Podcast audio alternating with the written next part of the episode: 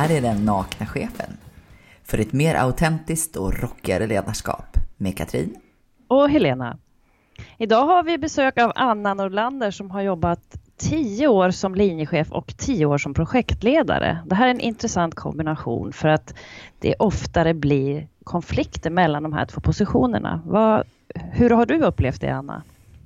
Ja, min erfarenhet eh, som projektledare, där jag har varit de senaste åren, är att det lätt blir så att linjechefen lämnar över hela ansvaret till projektledaren, vilket ofta blir att man blir ansvarig för hur saker ska göras och även att produkten funkar. Och jag tror att det är olyckligt, därför att det är linjechefen som vet och har ansvaret för hur deras medarbetare bäst gör sitt jobb effektivast och också har konstruktionsansvaret. Mm. Menar du då att eh, projektet egentligen är ansvarig för den saken? För leveransen av saken och kanske att uh, göra saken i tid. Mm. Men, när vi, när vi hamnar i, vilket man ju ofta gör i ett projekt, eh, hamnar i tidskonflikt eller kanske att vi måste eh, ja, gena någonstans. I pengar, mm. i tid eller i, i sak. Eh, det det behöver vara en dialog tillsammans med linjecheferna för resultatet blir att när projektet har lämnat då mm. finns det ingen kvar som kan vara ansvarig om inte det övergår till linjen igen och säger att just det, den här saken som vi har tillverkat nu, den är jag ansvarig för. Det är inte projektledaren för projektet är slutfört. Mm. Nu har ju du växlat flera gånger mellan att vara projektledare och att vara chef. Har, har det en, har, ser du olika på det här beroende på om du är i rollen projektledare som du är just nu eller i chefsrollen? Märker du att det liksom skiftar där för dig på något sätt? Ja, det tror jag faktiskt. Jag tror att det här att nu har jag varit linjechef och projektledare om vartannat i fyra omgångar. Det gör att nu sista gången när jag är projektledare sedan tre år tillbaka eh, har jag en, en, större insikt om det än jag upplever att mina kollegor, eh, linjecheferna är som aldrig har varit projektledare. Mm. Och jag tror att det är därför som det eh, stör mig så mycket. Att eh, det blir ineffektivt när eh, frågorna dumpas hos projektledaren att lösa. Därför mm. att om vi säger att vi skulle lösa det på ett mycket svårare sätt och som blir mycket bättre, då kanske projektet behöver vara annorlunda bemannat och bemanningen kommer ju från, från linjechefen. Jag kan känna igen det problemet utifrån ett linjechefsperspektiv och det är otroligt frustrerande tror jag i båda rollerna. Alltså jag tror att man ska jobba närmare med, mellan projektledare, delprojektledare och linjechefer och ha den här dialogen. Eh, så att det blir tydligt för båda parter att det här är ju ett mål som vi vill nå tillsammans. Det, det, det är ju tillsammans som vi gör linjen och projektet. För att om inte linjen eh, är med på vad vi ska göra och hur, och bemannar projektet på ett sätt som gör att det går att uppfylla, då kan inte projektet göra det heller. Så det är liksom mm. det här eh, fram och tillbaka samarbetet. Eh, vad vill vi? Var kan vi? Eh, vilka alternativ har vi? Det tycker jag verkligen ska vara en dialog.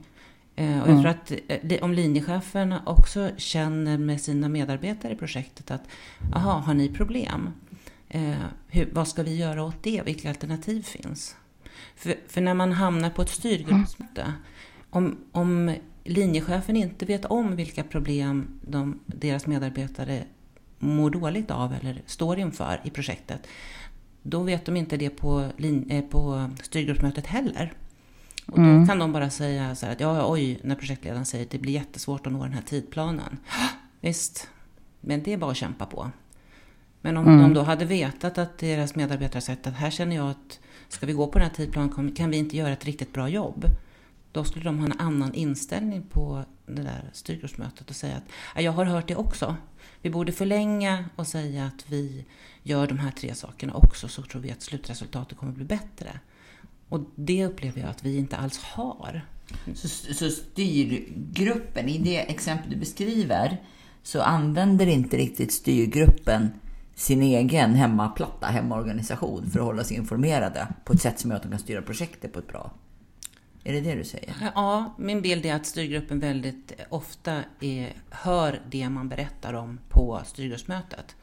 Och så i ett stort projekt, då kan man ju aldrig berätta om eh, de faktiska problemen som oftast ligger mycket längre ner. Så de måste ha mer liksom bakgrundsinformation eller vad man ska säga? Ja, Ja. Och jag tror att just det här att man kan vara mycket effektivare i projektet om det finns en bra dialog inom en professionsgrupp om vilka alternativ finns och vad ska man göra. Men vad gör du då? då? Där står du på ett styrgruppsmöte eh, och eh, märker liksom, eller känner av så här att nej, men den här styrgruppen är inte riktigt med i matchen. De tar inte hela ansvaret och de kopplar inte ihop det här med sina linjeroller. Som förmodligen är det ju, gissar jag då, linjerollerna som gör att de kvalificerar sig för att sitta i styrgruppen. Ja, så är det. Och samtidigt så kopplar de inte ihop det. Den här styrgruppen är inte med i matchen. De vet för lite. De styr inte. De dumpar över ansvar på mig som projektledare. Vad gör du då? Det jag försöker göra antingen före eller efter, ibland är det så att jag faktiskt inte vet om vilka problem vi har, för jag har inte förstått dem. Eh, men då kan det vara att man faktiskt går till linjechefen och frågar. Hur ska vi göra? Jag har förstått att den här personen inte mår bra för att vi inte kan göra det som den säger, men jag förstår inte vilka alternativ som finns. Eh, men det är inte alltid det bemöts med ett, eh, ett vi, en vi-känsla, att jaha, bra, då hjälps vi åt att hitta en lösning. Eh, tyvärr. Eh, och jag tror att det är liksom, man skulle behöva diskutera vad man har för olika roller och hur man ska samarbeta. Hur, hur har du upplevt också att det alltså, finns en press på, på de som sitter i styrgruppen och sin sida? att det här projektet får inte kosta mer pengar, det får inte ta längre tid och du vet hela den där biten som, som också ligger, ligger och styr oss när vi, när vi funderar över hur vi ska samarbeta eller inte. Ja, det gör det ju. Eh, men min bild är att det är på väldigt övergripande nivå. Och jag mm. tror att, vi, att, att just det här att hur vi ska använda de här olika medlen på bästa sätt. Mm. Den effekten får vi bäst om vi samarbetar, för då kan vi hitta vilka saker vi inte behöver göra. Mm. Eller vi verkligen ska välja att göra. Vi, vi pratar ju om ett mer autentiskt och rockigare ledarskap. Mm. Jag tänkte säga, är det någon rock'n'roll i styrgrupperna? Nej, där är det inte mycket rock'n'roll. där är det väl jag som står för busigheten då. Gör det det? Mm. Ja, absolut. Hur gör du då? då? Nej, men jag säger ju sånt som gör att, eh, de, att det blir lite skratt. Alltså, man måste ju lätta upp stämningen och se till att det att man, får, man får berätta om saker som har gått tokigt eller någonting så att de förstår mm. vad för saker som vi brottas med hela tiden. Mm. Har du klivit över gränsen där någon gång när du har försökt rocka eller busa till det lite för mycket? Det har jag säkert, men jag tror inte att jag har förstått det. Jag tänker ja, att de är ju vana, tänker jag. Jag har ju varit där så länge och träffat de här människorna i alla möjliga olika roller. Så de vet ju att jag säger vad jag tycker och tänker. Ehm, så, det är ingen nyhet. Nej. Jag känner att det också är väldigt accepterat. Ja. Det är bättre att säga lite för mycket tycker jag än för lite. För sanningar mm. är ju inte annorlunda om man inte känner till dem. De är samma. De är samma, ja. Mm. Du, hur, hur stort är det här egentligen? Det beror ju såklart på vilket företag och vad man gör i sina projekt och så vidare. Och så vidare. Men, men väldigt mycket utvecklingsarbete bedrivs ju ändå i projektform. Mm. Hur liksom stort är det här? Hur viktigt är det här att få liret, linjechef, projektledare att fungera bättre? Jag tror att det är jättestort.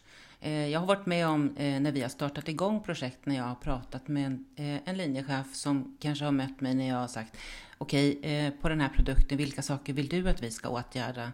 Ja, vi får se vad projektet kommer fram till. Och då tänker jag, hur tänkte han nu?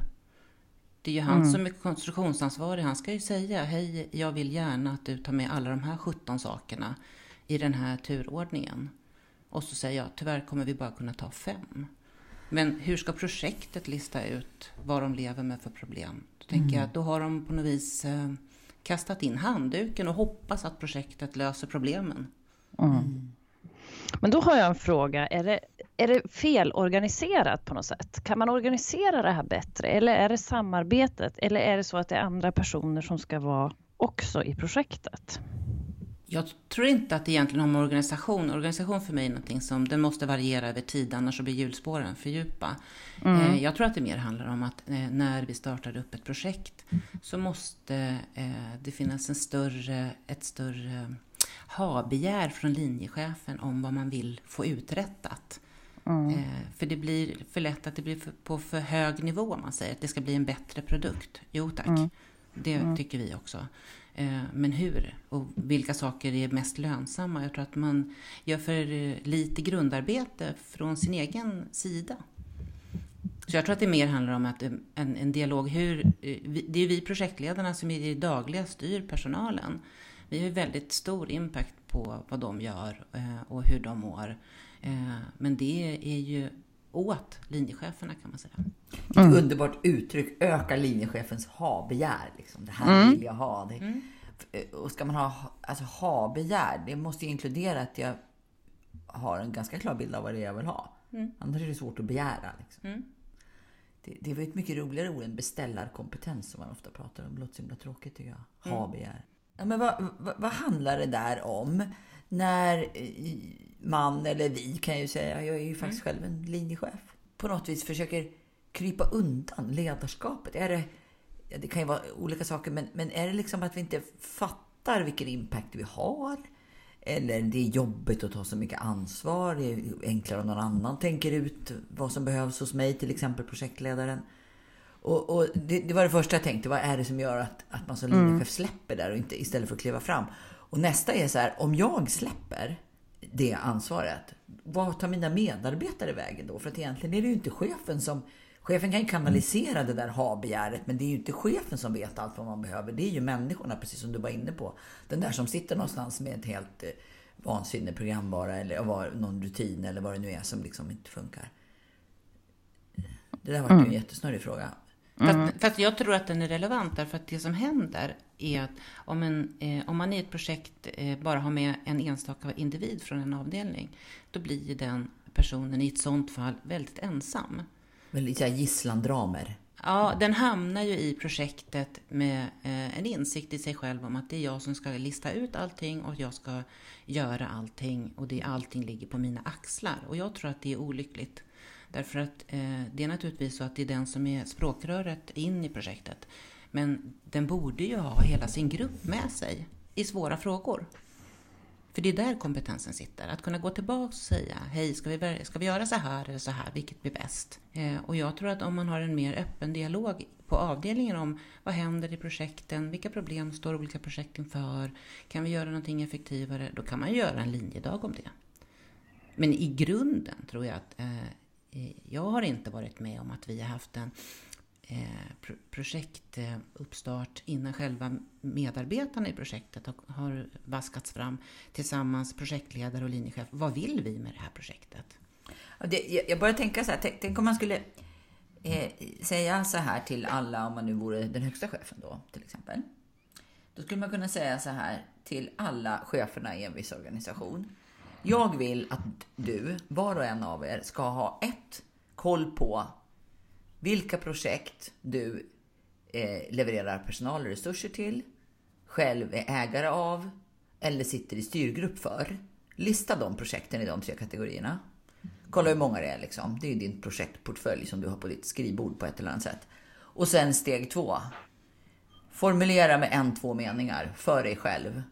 Vad vill du för din verksamhet ha ut av det här projektet? Om du ramlar någonstans, dels om du inte får upp hela den där listan, om du inte helt enkelt vet, då är det ett problem nummer ett. Du kan formulera med en, två med, behöver inte vara så himla precis, med någon slags uppfattning för alla dem, då har man ju också ett problem. Skulle inte det kunna vara så kvalitetstest? Om man säger det som VD och jag vill att du kommer och berättar det här för mig eller skickar ett mail. Liksom. Jag tror att mycket handlar om att vi inte tar oss den här tiden att vare sig formulera problemet eller reflektera över det. Just det som är det som man gemensamt kan skapa. Alla har fått en slags problemställning. Projektet har ett antal problem som ska lösas eller som ska gå framåt och vi tar oss inte tiden därför att så fort det blir ett projekt så har du en, en klocka någonstans som tickar så jädra snabbt att det måste ut. Så det, men man förlorar så mycket i projektet så snart ja, men då du... Hel... riktning liksom. För att ja, till slut blir det så här, vad, vad gör vi? Ja. ja, men vi håller ju på att jobba med projektet, eh, inte vet jag, kommit på något bra namn.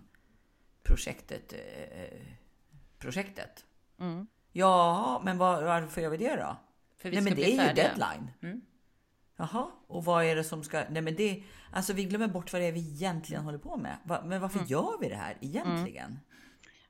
För då går du in i någon slags doing action direkt och har en viss press och kanske till och med lite rädsla för att du inte riktigt har kontroll. Och så att då sätta sig ner, backa och reflektera är inte någonting man gör. Men det tror jag skulle kunna vara en stor sak där du också då plötsligt förstår att du måste involvera andra människor än de som är involverade idag. Ja, för vad händer när det är viktigare att ha fullt upp och trycka på gaspedalen än att veta åt vilket håll du kör? Precis. Det är ju farligt. Ja, det, det, ja, det har vi ju några tydliga exempel på.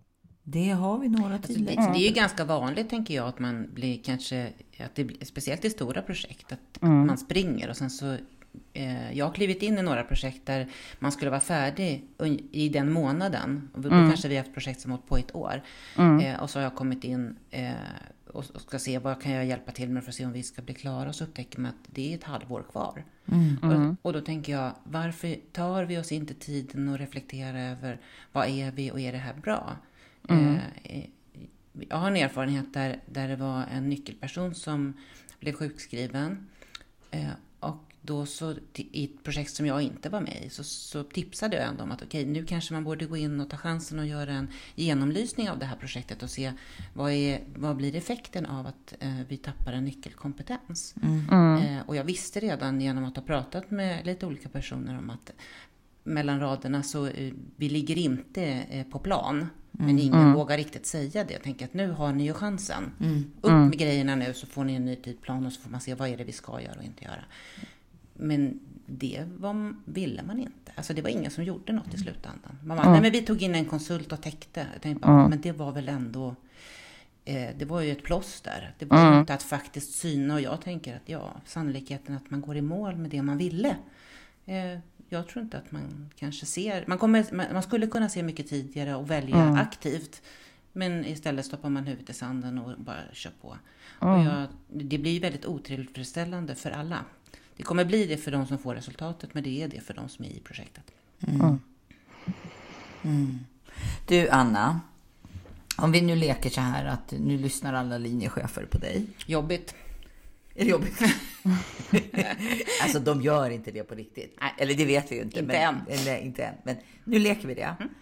Och sen så tänker de så här att, jaha, de- är ju lite så här halvfrustrerade i genomsnitt åtminstone för att det finns en massa jobbiga projektledare som är och rycker i dem. De ska sitta i styrgrupper hit och dit och deras personal har inte tid att göra sitt jobb för de ska vara i massa projekt vid sidan om.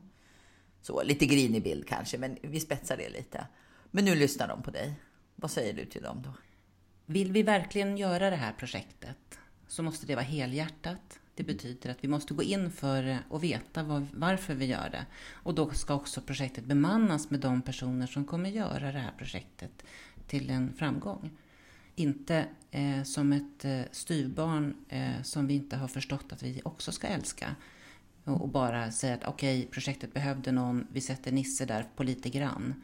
För då är det bättre att bestämma att vi gör inte det här nu, vi väntar ett halvår när det finns bemanning. Så de projekt som du tänker så här, det här är grannens ungar, kör inte dem. Nej. Utan kör bara de som, det här är min unge, den här För- kan jag adoptera. För det skapar ju bara en massa frustration och det blir inte lyckade resultat. Det kanske blir halvbra. Men det hade kanske gått både fortare och blivit bättre om vi hade eh, gjort färre saker parallellt och sett till att vi bemannar för en, en, ett bra samarbete och ett lyckat resultat. Och personalen mår ju mycket bättre om man känner hej, nu kör vi ihop. Än att hej, jag ska göra sju projekt samtidigt och så fick, hinner jag inte riktigt. Oj, vad jag mår dåligt. För som en liten sammanfattning, bara för att, från en hörande sida här. Du säger att ha modet att våga inte ta på sig alla projekt om de inte kan bli bra, om du inte kan bemanna dem rätt, om du inte kan reflektera över att det blir ett bra resultat.